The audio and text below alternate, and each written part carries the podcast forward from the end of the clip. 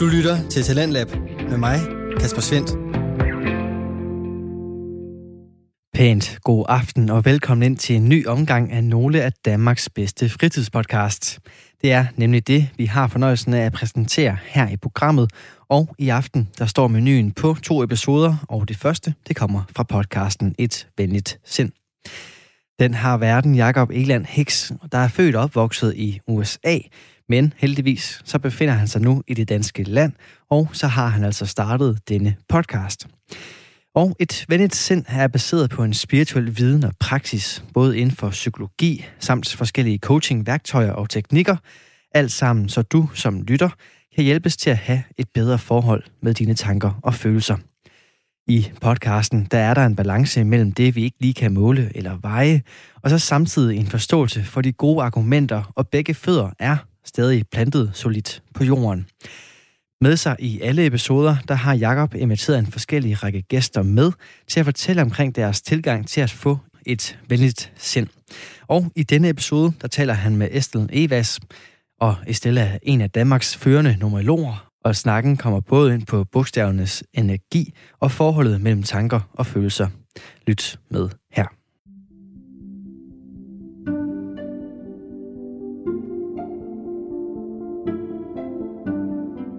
Velkommen alle til denne episode. Jeg værdsætter virkelig, du lytter med. Mit navn er Jakob Hicks, og jeg er skaber og vært for et venlig sind podcast. Jeg er uddannet coach, har en kandidat inden for sundhedsfremme og har evigt interesseret mig for personlig udvikling, funderet i spirituel viden og praksis. Jeg er 37 år, bor med min kone og lille datter, som jeg begge elsker overalt på jorden. Min familie har været nogle af mine største lærermester i min personlige udviklingsrejse, og jeg nævner min datter særligt i mange af episoderne. Målet med et venligt sind podcast er at hjælpe dig med at være skaberen af dit eget liv. Mere selvkærlighed, kontakt med din intuition, større mod og tilstedeværelse er centrale elementer i den her podcast. Hver episode interviewer jeg eksperter til en snak om deres personlige rejse hen imod et mere venligt sind. Ønsker du at stifte bekendtskab med effektive redskaber og tankegang til at transformere dit liv, så er du kommet det helt rigtige sted. Hvilken betydning har det for vores liv, hvad vi hedder? De fleste af os er enten glade eller mindre glade for vores navn, men lægger ikke den store betydning i det ellers. Men hvad hvis det havde en afgørende faktor for den energi og vibrationerne, vi lægger ud i universet? Jeg skal være den første til at indrømme, at jeg aldrig har fået min numeroskop. Jeg kender godt til numerologi, og det er ved at finde stort indpas i Danmark de seneste år, men i modsætning til de fleste af mine andre emner i et venligt sind, relativt ubetrådt territorium for mig. Men som jeg har sagt så mange andre gange, er nysgerrighed og åbenhed min foretrukken kompas igennem livet, så lad os blive klogere sammen, når jeg byder Estelle velkommen til en snak om numerologi og hvilken betydning det kan have for rejsen hen imod et venligt sind. Der har vi et center, der står for følelseslivet, og når der er rene energier i det, så vil vi ret hurtigt efter et navneskift begynde at opleve, at vores følelser er nemmere at have mere at gøre. De knudrer ikke lige så meget. Det er ligesom, når jeg har den her følelse, jeg bliver lige lidt irriteret, eller måske bliver jeg der vred, og vi kan mere adskille dem og mærke dem, og så kan vi ligesom også øh, rumme og have dem, altså så de ikke forstyrrer på samme måde. Estelle Vass er et af Danmarks førende numerologer. Hun bliver ofte brugt i medierne og er medejerne af numerologerne sammen med hendes mand Johannes. Her står de bag et række kurser, uddannelser, samt bag softwareprogrammet Numerolist Pro. Maja og Estelle tog en snak over Zoom en formiddag i august.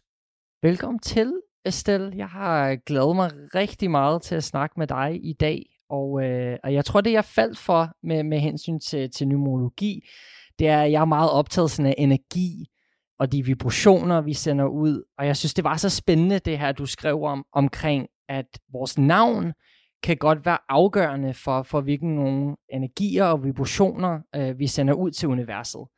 Det synes jeg var sindssygt spændende, så det blev vi nødt til at, at, at lige at høre noget mere om. Men for vores lytter, der ikke kender så meget til numerologi, kan du måske bare meget kort sådan lige opsummere the basics øh, af, hvad det handler om? Ja, det kan du tro. Altså numerologi er et, et spirituelt system til at afkode energi. Lidt ligesom astrologien er. Øhm, I astrologien der har man jo planeter, som man, man siger har en bestemt virkning. Øh, altså når, der, når, når Merkur kommer på banen, så sker der noget bestemt. Når Mars kommer på banen, sker der noget andet. I numerologien er det faktisk det samme. Der er det bare metal i stedet for. Så vi har en fødselsdato, hvor vi jo har en, en dag på en måned, vi er født, og en måned og en års vibration. Og alle de her tal spiller sig sammen i sådan et mønster, der faktisk påvirker os hele livet. Og, og så ud over det, så bliver vi altså også påvirket af de navne, vi har, hvor man kan sige, at hvert bogstav har en, en, en vibration, øhm, som man ligesom kan, kan tælle sammen til et, et helt schema. Altså det, der hedder et nomoskop eller et chart.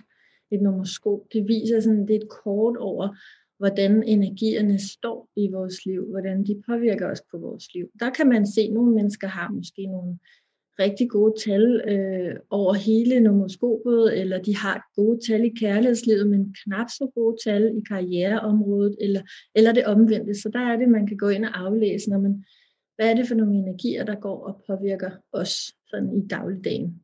Men det er jo så ikke kun navne, der påvirker os, eller fødselsdags. Altså alle ting har en vibration, en, en, en vibration, der påvirker os gennem resonansloven. Så vi bliver sådan set påvirket også af de mennesker, vi taler med, og de energier, de har med sig i deres fødselsdato. Så, så når vi to sidder og snakker sammen, så går vores tos fødselsdato og vores navne også på en eller anden måde i resonans og, og giver nogle bestemte energier. Ja, jeg har faktisk lige lavet en, en episode, der handler om øh, tiltrækningens lov, eller law of attraction. Og, og jeg kan godt lide det her nogle gange med at forklare energi på en eller anden måde som en slags sprog. Altså, den energi, vi lægger ud til universet, på en eller anden måde lytter universet til, og det er så også øh, den energi, den svarer os med på en eller anden måde. Hvad har din egen øh, rejse omkring øh, numerologi været? Altså jeg kunne godt tænke mig for eksempel at høre, hvad har din egen oplevelse omkring de øh, energier og vibrationer, du, du lagde ud til universet? Og nu ved jeg for eksempel, jeg ved ikke helt præcis, hvornår du gjorde det, men du har så lavet et navneskift. Og, og det kunne være interessant så at høre om, hvordan, hvordan har du oplevet energier og vibrationer anderledes, siden du har lavet det navneskift? Ja, altså jeg skiftede faktisk navn meget tidligt i livet. Jeg var på en rejse til Indien, sådan i min helt tidlige 20'ere, og der mødte jeg numerologien for første gang.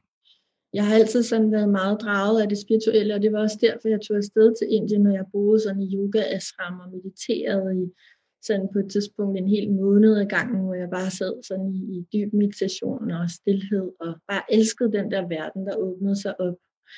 Og så var der i, i det, det sted, det område, jeg var, var der sådan en øh, astronomolog, øh, hvor man kunne, kunne få sessioner, og så jeg måtte bare derhen. Og så fik jeg en, øh, en nomologisession, der sådan slog benene ret meget væk under mig. Det var virkelig sådan, gud nej, kan han virkelig se alt det? Jeg var helt målløs. Øhm, og udover det, så, så lavede han en, øh, hvad man kan sige, en prognose eller forudsigelse for fremtiden. Og, og der tænkte jeg så, nå okay, ja, han siger det der, ja, men ja, det ved jeg ikke, om det kommer til at ske. Men det kommer til at ske, og inden for de næste par år, de ting, han havde forudset. Så det var sådan meget mindblowing for mig, så derfor blev jeg øh, meget tidligt draget ind i det. Så da jeg var hjemme i Danmark igen, der valgte jeg at gå til en nomolog og skifte navn. Det har været der lige i starten af 20'erne. Og, og så øh, har jeg simpelthen lige siden været, har den nomologien været en del af mit liv. Øh, og jeg har så også på egen hånd løbende foretaget nogle, nogle skift. Jeg er ikke den, der synes, man skal skifte nomoskop for tit, fordi det kan godt gøre, at man bliver lidt øh, forvirret. Det er fordi, hvis du er påvirket af nogle energier, så er det godt at, at lære dem at kende og lande i dem og vide, hvordan du bruger dem optimalt. Hvis man ikke har sit navn mere end et år eller to af gangen, og så skifter hele tiden, så er det svært at lande, så er det ligesom, man hele tiden øh, lever et nyt liv i, i sit eget liv. Og så kan man godt blive ja, småskør forvirret i det i hvert fald.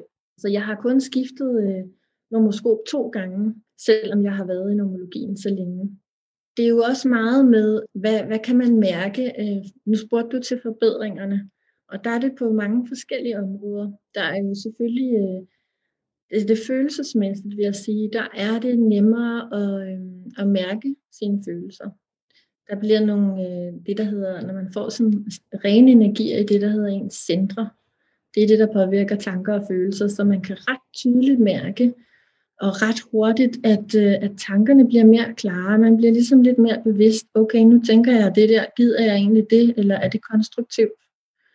Øhm, og også ret hurtigt følelsesmæssigt, så kommer der sådan en, øh, når man har de her rene energier i sine centre, at jamen man kan mærke, hvad er ens eget, og hvad er andres. Fordi vi kan jo sådan set, vi kan godt sende gode ting ud, men vi kan ikke undgå, at der nogle gange er nogen, der har en, en stærk energi i sig selv, hvor de går og bimler med noget, eller suger på verden, eller hvad de er. Og det skal de på en eller anden måde også have lov til. Altså der skal vi give andre lov til, ligesom om du er derovre, og jeg kan godt være her i min gode vibe, og alligevel sende noget godt ud til den her person, som måske ligesom er, er lidt i, i, i øh, indre oprør på en eller anden måde. Ikke? Og det bliver meget nemmere med nomologien, og der ser jeg rigtig mange også med, med kunder, der oplever, at når de har gået og synes, at det var deres problem, at deres svigermor gik og var sur, øh, men så bliver det pludselig ikke deres problem mere, og så stopper hun også med at være sur. Og sådan nogle ting, hvor at øh, det her med, at det starter meget inde i os selv, det bliver også meget, meget tydeligt efter sådan en navneskift. Og vi vender tilbage til, til numeroskopet og, og tallene, men du sagde lige to ting der, som jeg simpelthen bliver nødt til at følge op på. Og øh, det ene, jeg kunne være nysgerrig på, det var, øh, hvad var det, hvis du kan huske tilbage til den gang, hvad var det, der gjorde, at du var drejet af hele den spirituelle rejse?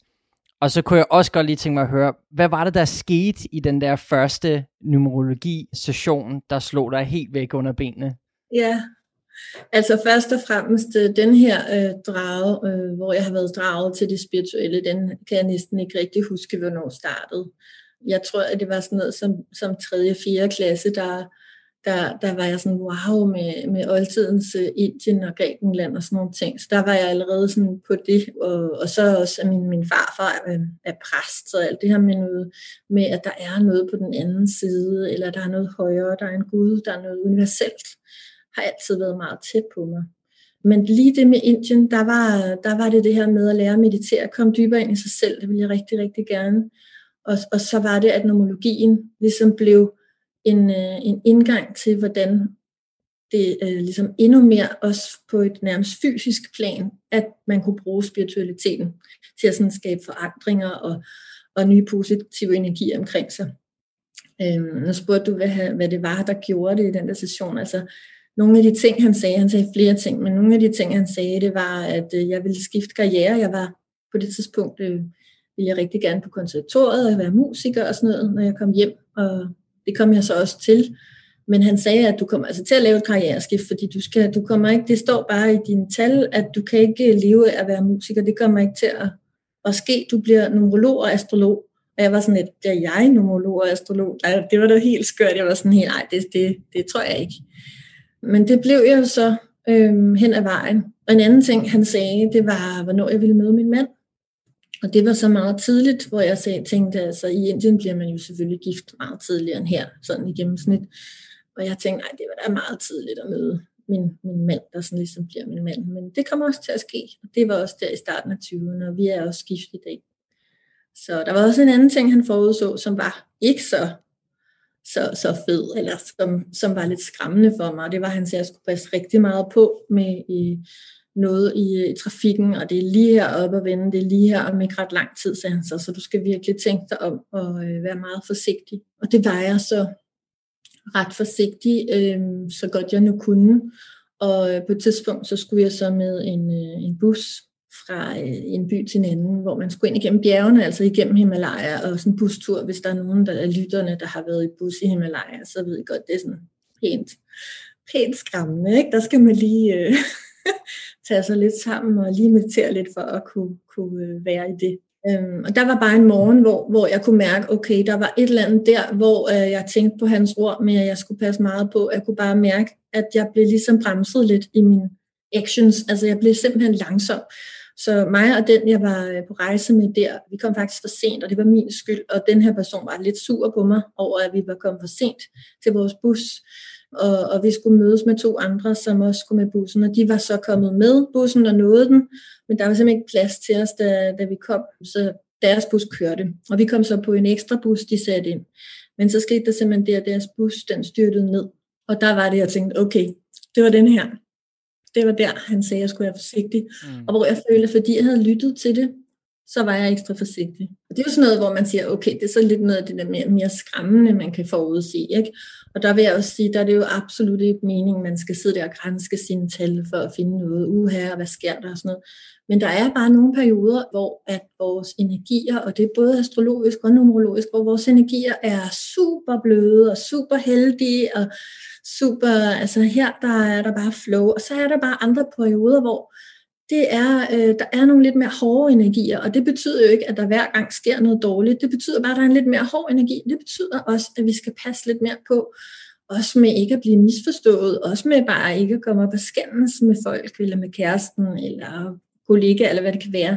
Så det er jo ikke fordi, man skal sidde der og, og, og blive sådan en terningmand, og, og være bange for noget. Man skal bare vide, okay, lige nu har jeg en hård, hård påvirkning udefra, det vil sige, så skal jeg lige vække min, min, min, mit fokus, og jeg skal vække mit hjerte. Jeg skal sørge for, at hvis jeg hurtigt lige trigger og bliver sur på en, så skal jeg lige trække vejret, for der er ikke nogen grund til at, at gå med på den energi, men hellere harmonisere den. Mm. Så jeg ser jo de her tal som noget, man bare altid, der er rigtig godt at vide, som sådan en slags, man kan kalde det en vejrudsigt, og så bruge dem rigtig, rigtig positivt. Og, øh, og, og for de her, øh, man kan sige også, når man har nogle af de hårde energier, det er for eksempel sådan noget som nitallerne, som står for handlekraft og drive, så har vi også noget positivt med os netop i form af, at vi kan, kan en masse ting, og vi har, vi har lidt ekstra styrke. Så skal vi bare også passe på, hvad kan man sige, bagsiden, som kan være, at man også nemmere kan komme ind i en konflikt, for eksempel.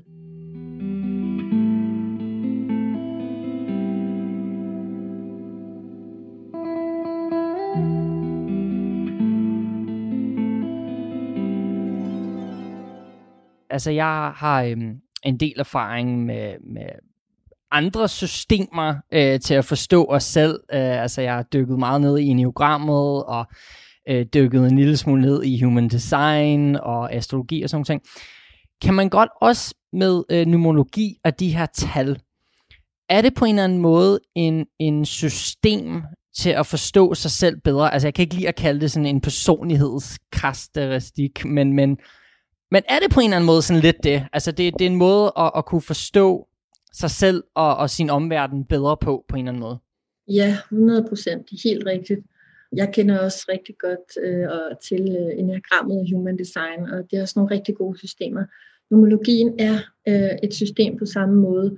Jeg vil sige, det er mere komplekst. Der er flere ting at aflæse numerologisk. Der er enormt mange tal i vores fødselsdato, der spiller sammen og kan fortælle os også om vores underbevidsthed. Hvilken påvirkning er der i vores underbevidsthed? Hvordan er vores sociale intelligens? Hvordan er vores, det, vi gerne vil sende ud, sådan offentligt, vores, hvad kan man sige, vores jeg, det vi gerne vil vise? Og hvad er vores sådan, mentale tankeprocesser?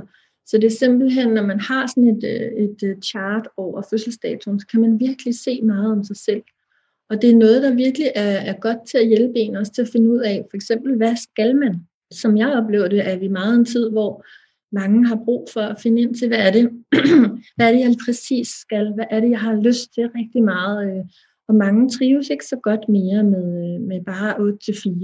Altså, sådan en type som dig, der også ligesom har lavet sit eget podcast og, og går sin egen vej. Altså der, der er ligesom sådan en, en tendens i den retning, man vil gerne bidrage med det, man lige præcis kan. Og, og der tror jeg, at der ligger det ikke sådan helt i vores kultur og skolesystem osv., at vi bliver opdraget til at finde ud af, sådan, hvad er det, vi præcis kan sådan helt endnu. Og der er det, numerologien kan være sådan en, en kæmpe øjenåbner for en selv.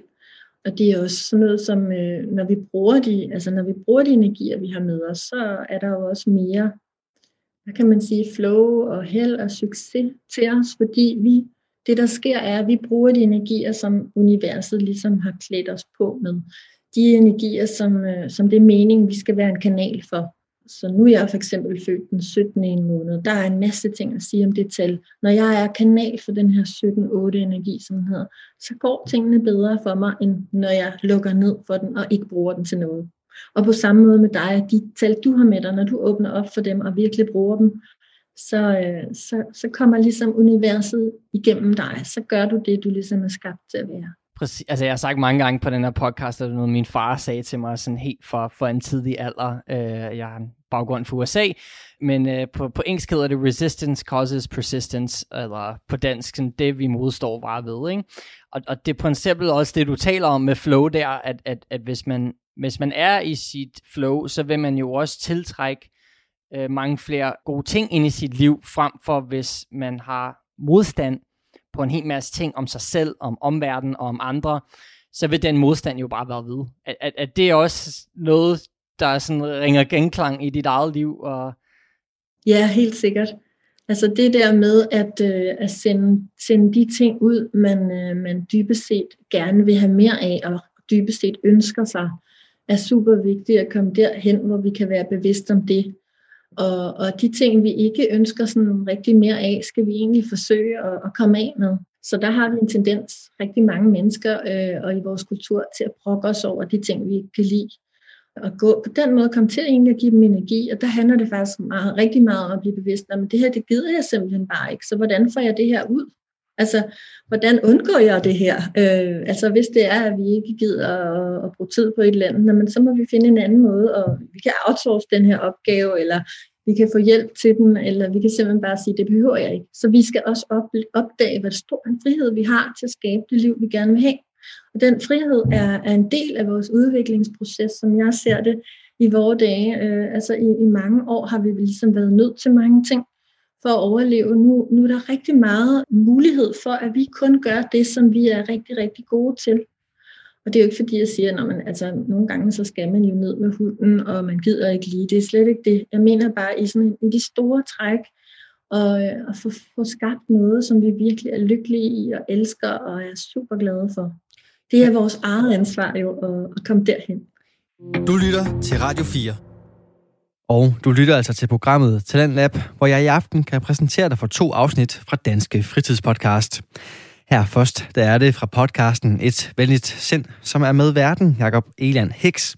Og aftens afsnit handler om numerologi, og episodens gæst hedder Estelle Evas. Og den episode vender vi tilbage til her.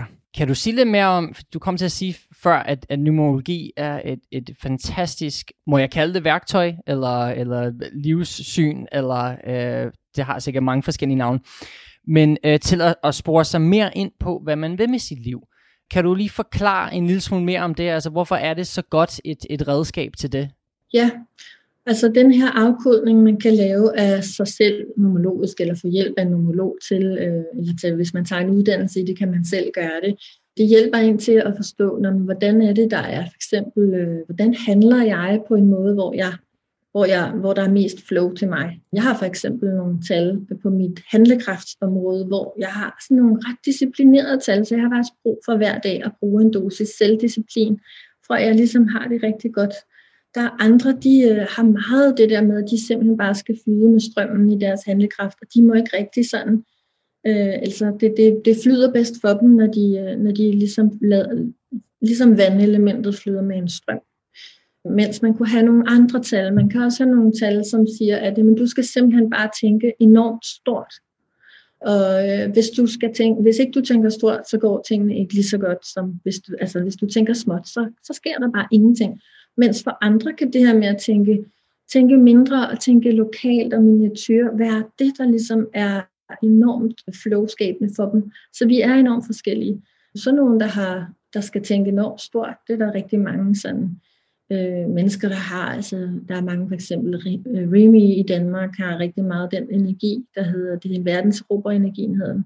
Den har han rigtig meget. Der er også mange sådan, kendte skuespillere og sådan noget, der har den vibe, at øh, de skal simpelthen stille sig ud i det her kæmpe store. Altså, de skal ud i sådan hele verden, og så er der flow til dem. Mens der kan være andre, hvor Nå, men det er bare ikke deres vej, det der med at skulle ud stort. De skal faktisk sådan ud i deres minicirkel lige omkring dem, og på den måde gradvist vokse. Så det er meget sådan nogle koder, der er til os, hvor, når, hvordan handler vi, hvordan tænker vi, og så videre. Og der er det jo selvfølgelig ikke sådan noget med, at man skal diktere, om du skal det og det. Det er mere personen selv, der skal mærke, okay, ja, det kan jeg godt mærke. Det klikker i mig, at der faktisk er en, en, et bedre flow til mig, når jeg tænker stort, eller når jeg tænker, jamen, alle mine min nære cirkel er mine øh, veje frem. Ikke? Sådan lige om hjørnet, at, eller, eller skær sådan derud på den store bane. Og så også sådan noget som, når man, hvad er det, der ligger for nogle øh, potentialer, og, og, og, og hvordan kan vi bruge dem til ligesom at, at knække koden til vores egen livsmission.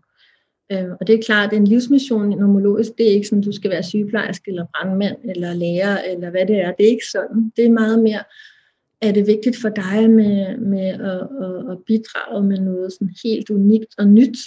Eller er du mere en, en, en sådan, er der noget æstetisk, der bare vil frem i dig? Og hvis det nu er noget æstetisk, så kan det jo komme frem på masser af måder. Det kan komme frem på, altså skal man være kunstner, eller er det bare, at man har det æstetiske virkelig meget med i sit brand? Eller, så det er en dyb snak om, hvordan, hvordan kan man selv genkende sig i de her øh, forskellige energier, man har med sig. Øhm, jeg kalder det soul blueprint, som er, at det sådan samlede energi overview af, af, hvad er det for nogle energier, vi har med, og vi, som vi skal bruge. Så jeg vil også sige, at hvert tal, der er 99 tal, og hvert af dem er, er kan man skrive en, en helt lille bog om. Ikke? Så hvert tal har en, en kæmpe dybde, øh, en kæmpe boble af, af, af potentialer i sig. Så er der rigtig mange måder at bruge sin tal på. Men der er altså 99 af de store tal, og, og de er jo alle sammen skabt af grundtallene 1-9. Så grundtallene 1-9 er jo også en måde at dele hele universets energi op i ni grundenergier, ligesom man kunne snakke om grundfarver, eller grundtoner, eller grundfølelser. Så har man simpelthen delt universet op, og de her ni tal spiller jo så sammen. Så hvis jeg tager et eller andet tal, f.eks. 23, så er det jo skabt af et to-tal og et tretal, og da 2 plus 3 giver 5, så er der også et femtal i det. Så, så på den måde, så er de her ni grundenergier jo inde i alle tal, uanset hvor stort tallet er. Så hvis vi har et kæmpe, kæmpe tal, 700 milliarder, millioner, trilliarder, kommer et eller andet, så består det jo også af de ni tal.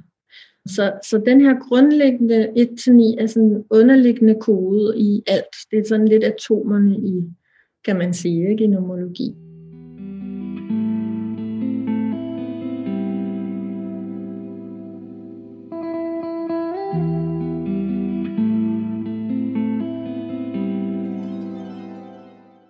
Jeg, er, jeg er sindssygt glad for det, der du sagde før, med, med at øh, det, det du principielt snakker om, det er, at folk er begyndt at få meget mere fokus på for eksempel ordet formål. Ikke? Altså en sted for, sådan, hvad man måske skal være karrieremæssig, så, så begynder man at spore sig mere ind på, hvad er det, man kunne tænke sig at stå for, og hvad er det for en budskab, man ligesom kunne tænke sig at dele med verden.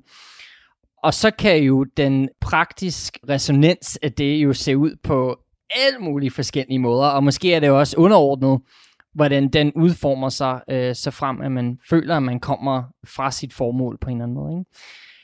Jeg er sindssygt glad for, at du lige lavede det der med grundtallene, og, øh, og nu er jeg bare jeg er meget nysgerrig, og jeg har aldrig fået læst min numeroskop, øh, men jeg var jo selvfølgelig lige inde og, og research øh, jeres, jeres hjemmeside ret grundigt, og jeg tror, jeg fandt frem til, øh, min grundtal var 4.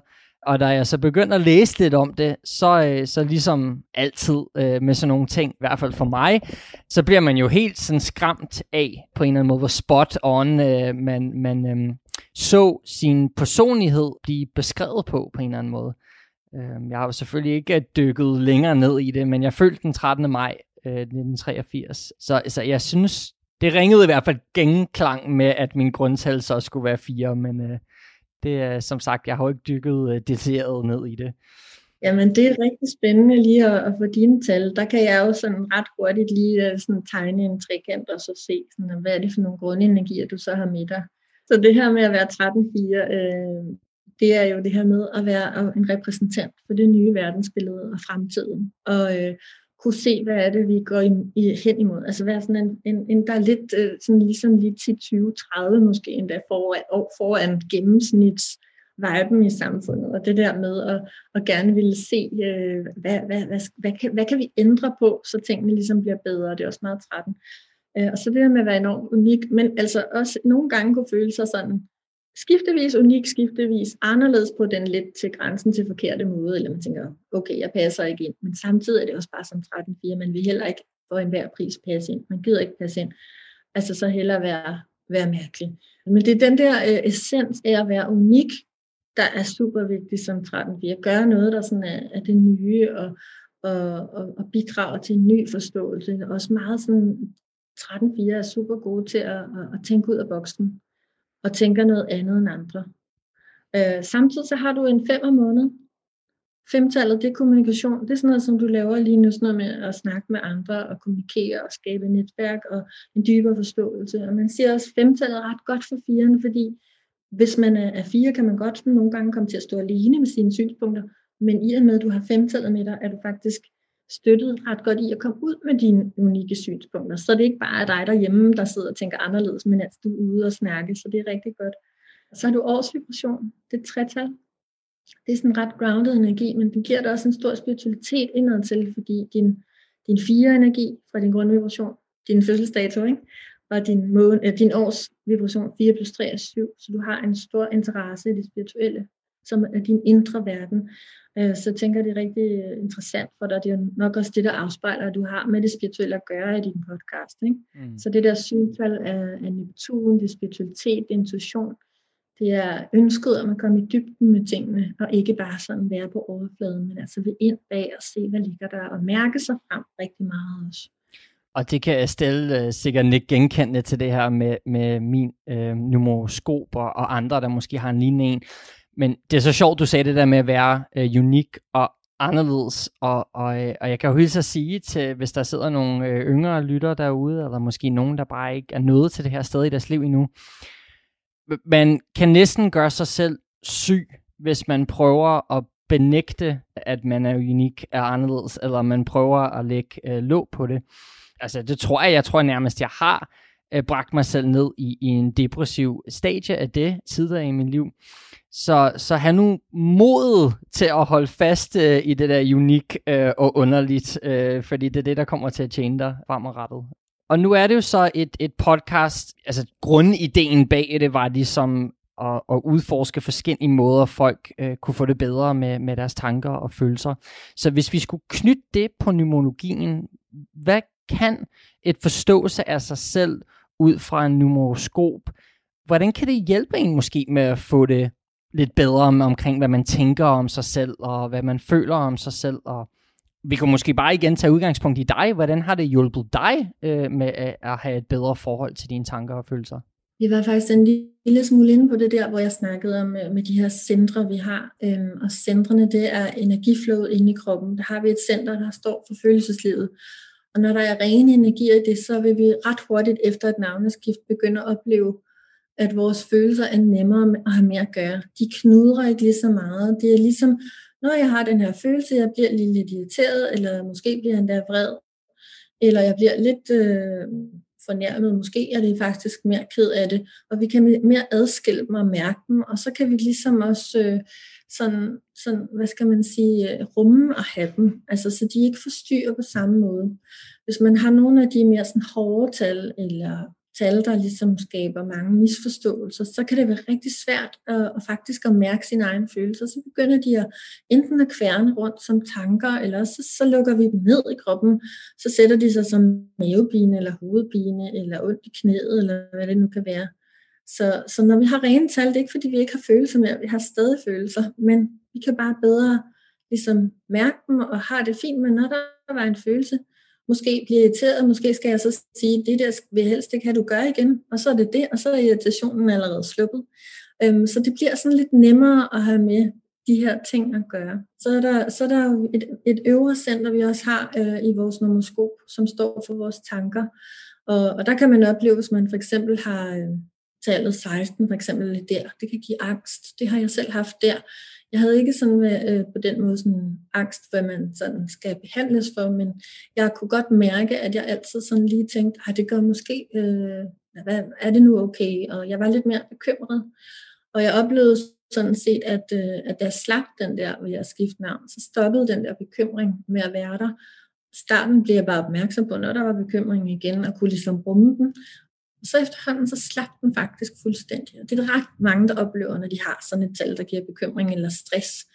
Og, og den kan sådan være slem for nogen og mindre slem for andre. For mig var den ikke sådan sindssygt slem, men der er nogen, der har den, hvor den bliver rigtig slem, og så kan den jo komme sådan helt ud og blive til ja, angst, eller at man sådan hele tiden bekymrer sig over, åh, sker der nu noget med min nærmeste, eller mine børn, eller min sker der noget, man bekymrer sig rigtig meget, og sådan en kan være rigtig rar at komme ind med. Fordi om du selvfølgelig godt kan arbejde med det og øve dig i at tænke på og sådan noget ting, så vil den altid sådan lidt sidde og, og drille. Øhm, så der oplever man også, når man, man skifter navn, at, at de ting, man har haft i sit gamle, dem kan man jo godt håndtere måske og have det okay alligevel. For mig, øh, jeg skulle altid lave en masse yoga og meditation for at være i balance, og, og det var jo sådan fint, og det synes jeg stadig er fint, og det gør jeg stadig, men jeg oplever nu, at det er ikke fordi, jeg skal lave yoga og meditation, det løfter mig bare yderligere op, hvor før der var det måske en følelse af at komme lidt i minus, og så skulle op i nul og lidt op med, med mit eget indre arbejde hele tiden. Mm. Hvor nu er det sådan ligesom, altså hvis jeg ikke laver yoga og mediterer, jeg stadig, har jeg det egentlig stadig fint. Jeg elsker det bare, og, og kommer sådan ligesom endnu højere op i det. Så den der følelse af, at man altid kommer, jeg tror måske mange kan genkende den der følelse af, at, at vi har en grundtilstand, og den må gerne være sådan 0 eller derover. Hvis den begynder vores grundtilstand at komme i minus, så er det, at vi hele tiden skal kæmpe os op. Vi skal kæmpe os op for at komme op om morgenen, og for at synes, tingene er sjove, og for ikke at gå lidt i stå og blive ked af det. Nu snakker vi om at være sådan deprimeret eller halvdeprimeret. Det er, hvis vores grundtilstand er ligesom i minus. Ikke? Og der er det et navneskift, der kommer vores grundtilstand gradvist op til 0 og derover, sådan så at vi ligesom hele tiden bare kan, kan løfte os, så vi ikke falder ned på den der måde i, øh, i, i noget, der er, er en, en lav eller tung vibration jeg kunne totalt ikke genkende til det, du sagde med yoga og meditation, fordi det, det har jeg også på forskellige tidspunkter i mit liv brugt i høj grad for at komme tilbage op til nul. Og, og de er jo fantastiske værktøjer, men, men, men øh, ideelt set, som du siger jo, så skal det jo helst være værktøjer, der bare øh, tilføjer endnu mere ekstra livskvalitet til sit liv, ikke? Og, og ikke nødvendigvis noget, man, man øhm, skal bruge som, som en krukke, eller noget, man skal bruge som en, en, øhm, forhåbentlig i hvert fald ikke i for lang tid som en behandlingsform. Og det ja. kan jo netop, det kan jo sådan set godt være en fin krykke. Øh, man skal bare vide, at, øh, at, at der er jo også andre ting, der kan gøre, at man kommer derhen, hvor man ligesom bliver støttet mere. Og der er nomologi så et, et redskab til det. Ikke? Ja. Hvor kan folk finde mere om, om, om dit arbejde, og, og sådan set også din mands arbejde, og I har jo det her firma, Numerologerne. Vil du sige lidt, lidt mere om det? Ja, altså vi går meget meget sådan op i, at øh, man kan bruge vores hjemmeside til ligesom at, at komme lidt ind i den her verden, det her numerologiske univers. Så vi har lidt forskellige ting, som er gratis, som man kan prøve. Nogle tools for eksempel.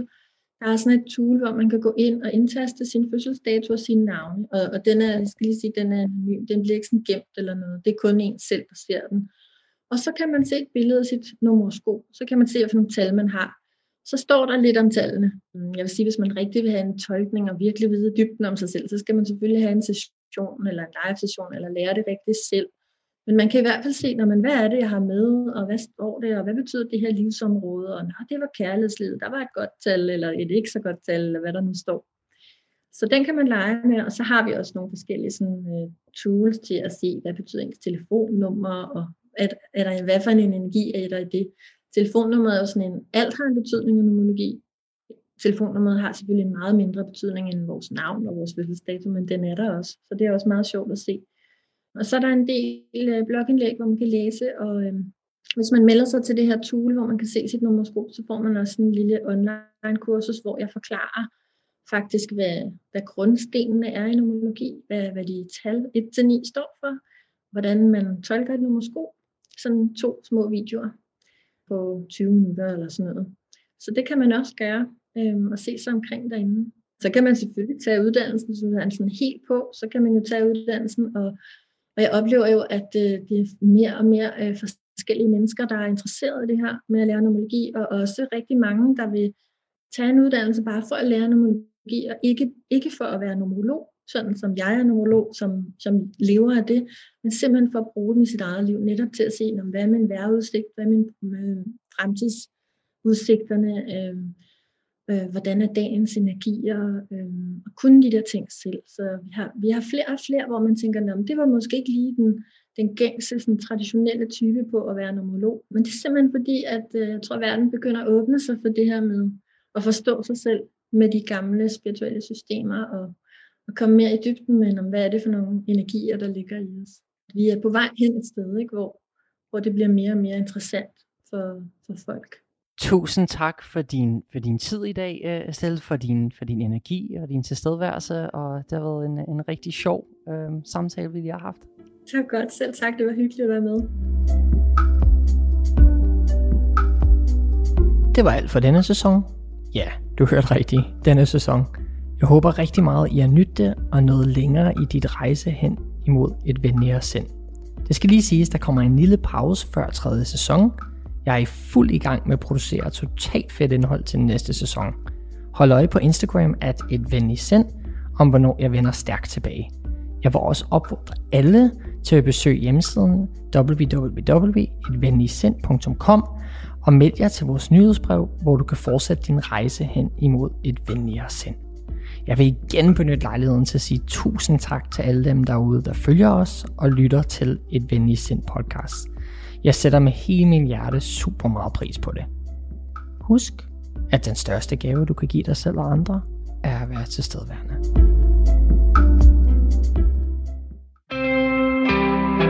Du lytter til Talentlab med mig, Kasper Svendt.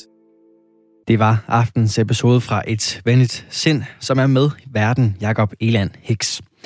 Og som du kunne høre, så var dette afsnit altså sæsonafslutningen, men bare rolig, for hvis du vil høre tidligere afsnit fra Et Venligt Sind, så er der rigeligt at tage af.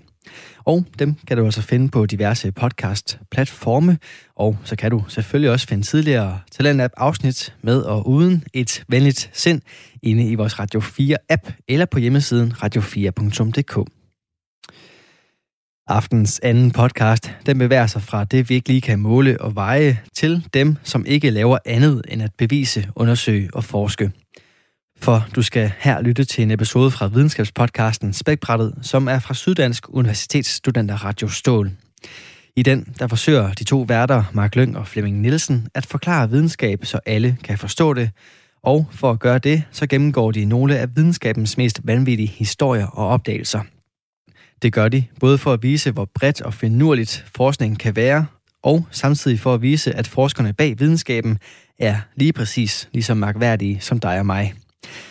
Er du, som jeg, ikke super skarp til videnskab, forskning og alt det der matematiske, så er podcasten her en perfekt indgang til den verden. Og hvis du i forvejen befinder dig godt tilpas i det univers, så er podcasten jo næsten perfekt for dig. Her der skal du lytte til første del af aftens episode fra Spækbrættet, hvor det er forskning om os danskere, der står for skud. Velkommen til Spækbrættet, din bro til vanvittig videnskab. Jeg er rød og hvid og vild med gris, Mark Lyng. Jeg er øh, den mest danske dansker, Flemming. Hvordan bliver man det mest danske dansker, Flemming? Det er ved ikke at prøve, tror jeg. Jeg, er tit blevet, jeg har tit fået at vide af folk, at øh, jeg er den mest danske person, de kender. Det synes jeg, det, virker, det kan jeg faktisk, ja. Du prøver slet ikke. Nej, jeg, jeg, kan virkelig, jeg kan virkelig godt lide svinekød, og jeg kan virkelig godt lide at snakke om vejret. Ja, det er fandme dansk. Det er helt Ja, vildt dansk. ja. Det er virkelig imponerende. Og jeg kan godt lide at, at, at brokke mig over små, ligegyldige øh, øh, problemer i mit liv. Hvad brokker du over? Vejret. Vejret, Og, blandt andet. og, sta- og statusen på svinekød. Ja, ja, ja. Hvad er status på svinekød lige for tiden, Flemming? Uha, det er gralt. Det er gralt meget. Åh, oh, det er træls. Hvis øh, I ikke allerede har bemærket det, så er Marks lydkvalitet rimelig dårlig den her uge, og det er simpelthen fordi, at han har siddet og snakket så meget svensk, at hans øh, mikrofon simpelthen er gået i stykker. Men øh, vi lover, at øh, vi har styr på det i næste uge.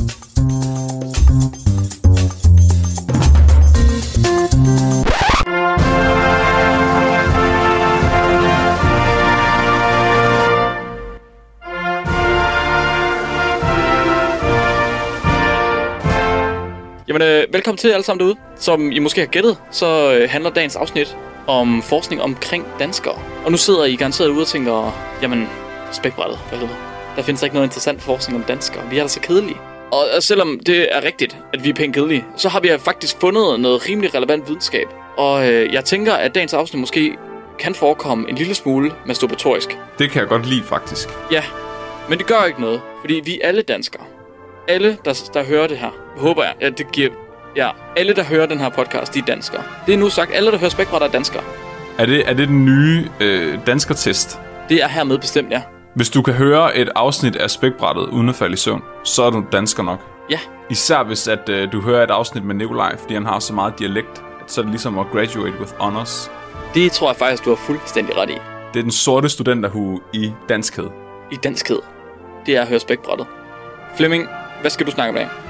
Jamen, øh, vi har fået indsendt en artikel af Alexander Kirkegaard, mm-hmm. som hedder, øh, hvor, hvorfor er danskere så selvglade? Ja, hvor, ja, Why Danes are smug, comparative study of life satisfaction in the European Union. det forstår jeg slet ikke, Flemming. Vi er slet ikke, vi er ikke selv glade. Øh, nej, det, det, det synes jeg egentlig heller ikke. Altså, jeg synes, det er en ret aggressiv artikel her, men, øh, men, men, men det giver mening, når man går i gang med at læse den. Okay. Hvad med dig?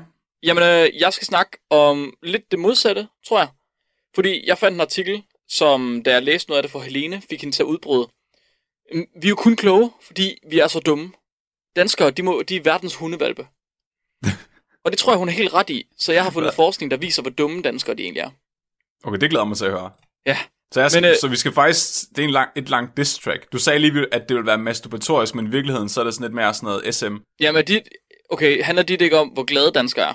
Nej, nej, det handler om, hvorfor vi er så selvglade. Nå, okay, jeg havde troet, det handlede om, hvorfor vi synes, vi selv var glade. Men det er det også. Det vil ikke at være selvglad. Det, det, jo, men, jeg- nej, men jeg tror, det er sådan lidt, øh, det er sådan lidt en øh, satirisk tilgang til det. Så de prøver at finde ud af, hvorfor vi er så glade, og hvorfor vi selv, altså, de er sådan lidt jaloux over, at vi er de gladeste. Så det er derfor, de er sådan, hvorfor er I så fucking smug, altså. Hvor, præs, hvorfor er vi så glade?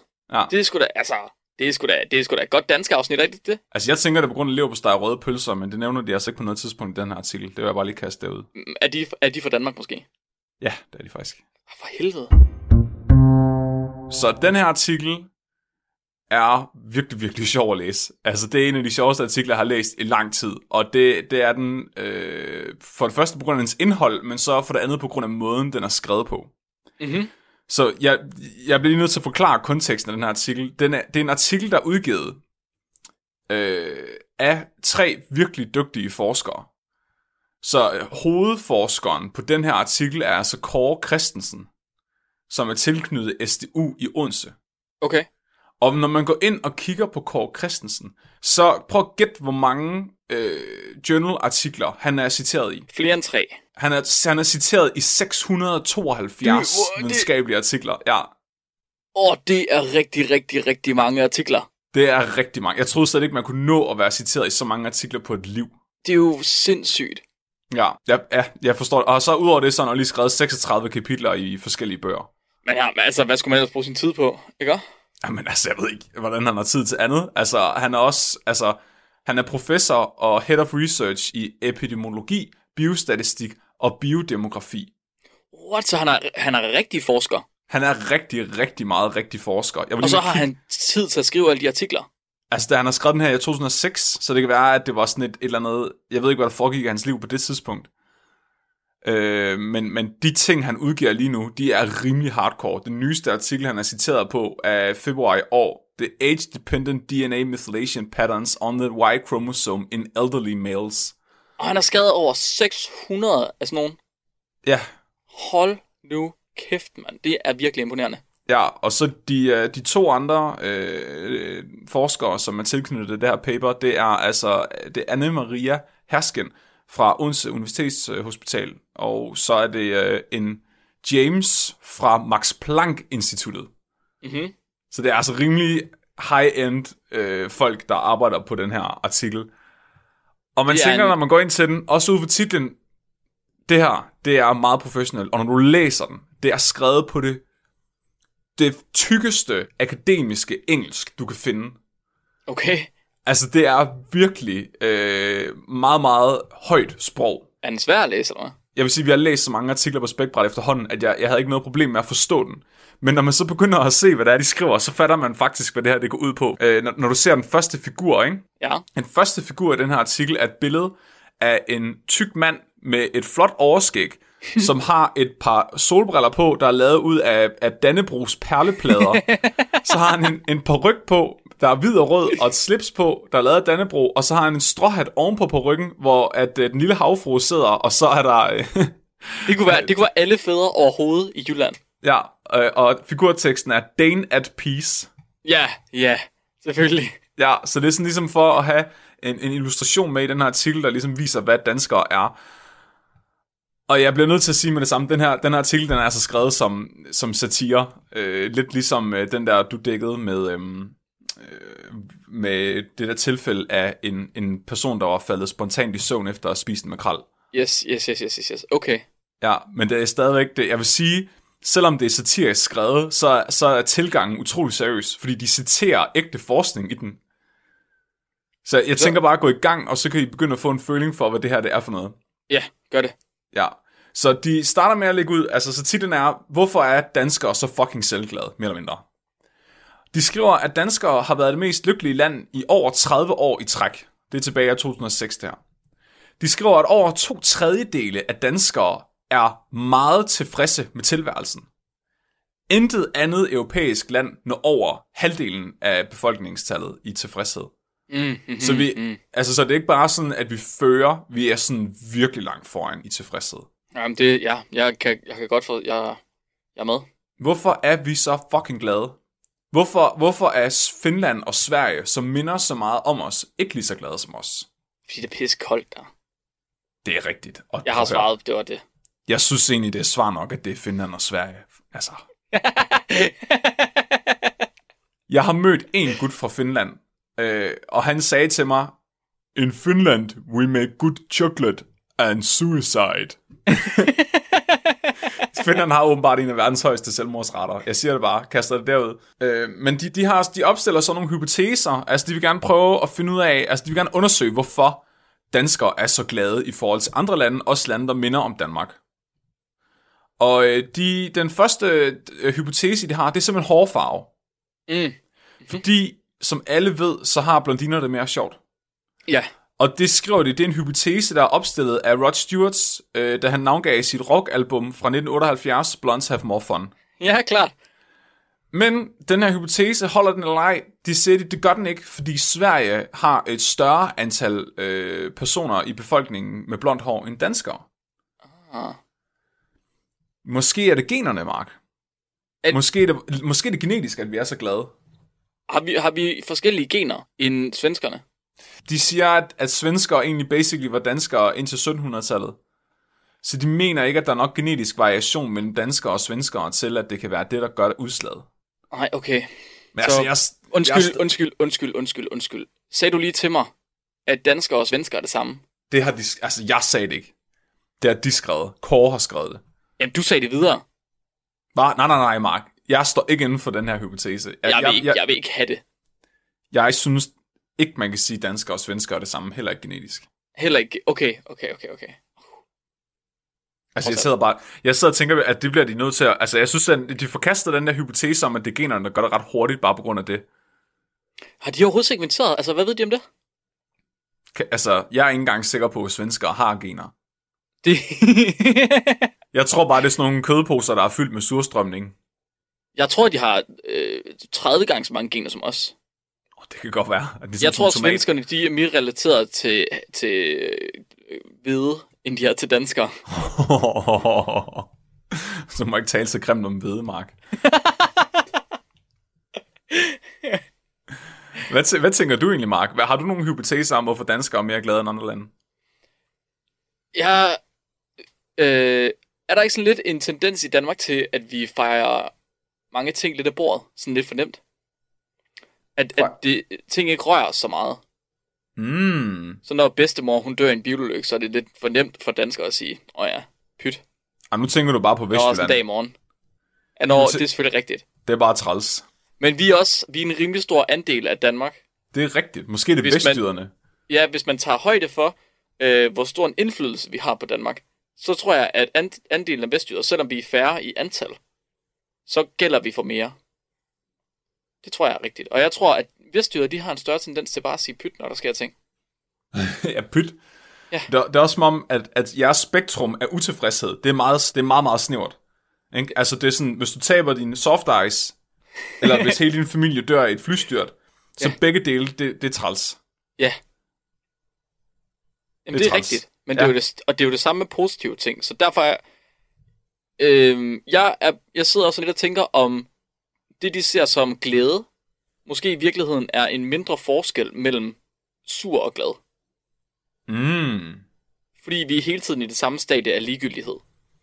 Det tror jeg faktisk, altså, det, det synes jeg egentlig lyder som en ret god hypotese, at vi, vi har ikke så store udsving. Altså, vi er, Nej. ikke ligesom, vi er ikke ligesom italienere, der sådan hopper ud af bilen og står og laver knytninger efter hinanden, og når der er nogen, der kører over for gul, altså. Og ved alle sammen, at sådan nogen, der svinger på den måde, de, altså, de er virkelig ulykkelige. Ja, vi går bare hjem og tæver puden i stedet for at råbe vores børn. Nej, Flemming, du, du misforstår det fuldstændig. Nå, Det er slet ikke sådan, det fu- fungerer. Man går hjem, og så sidder man stille ved spisebordet, og så, når de andre de snakker til en, så siger man, ikke, noget, ikke noget mere end det. Ikke alt det andet der. Det er alt for voldsomt udbrud af følelser. Jeg ved ikke, hvor du har det fra. nej, undskyld. Man kan godt høre, at du ikke er vestjyd. Ja, Det er ubehageligt. Ja, men det er nok fordi, jeg ligger på sådan en ø, ikke? Der er vi har sådan lidt mere... Radio 4 taler med Danmark. Og jeg vil præsentere den resterende del af dette afsnit fra Spækbrættet med Mark Lyng og Flemming Nielsen på den anden side af dagens sidste nyheder, der kommer her.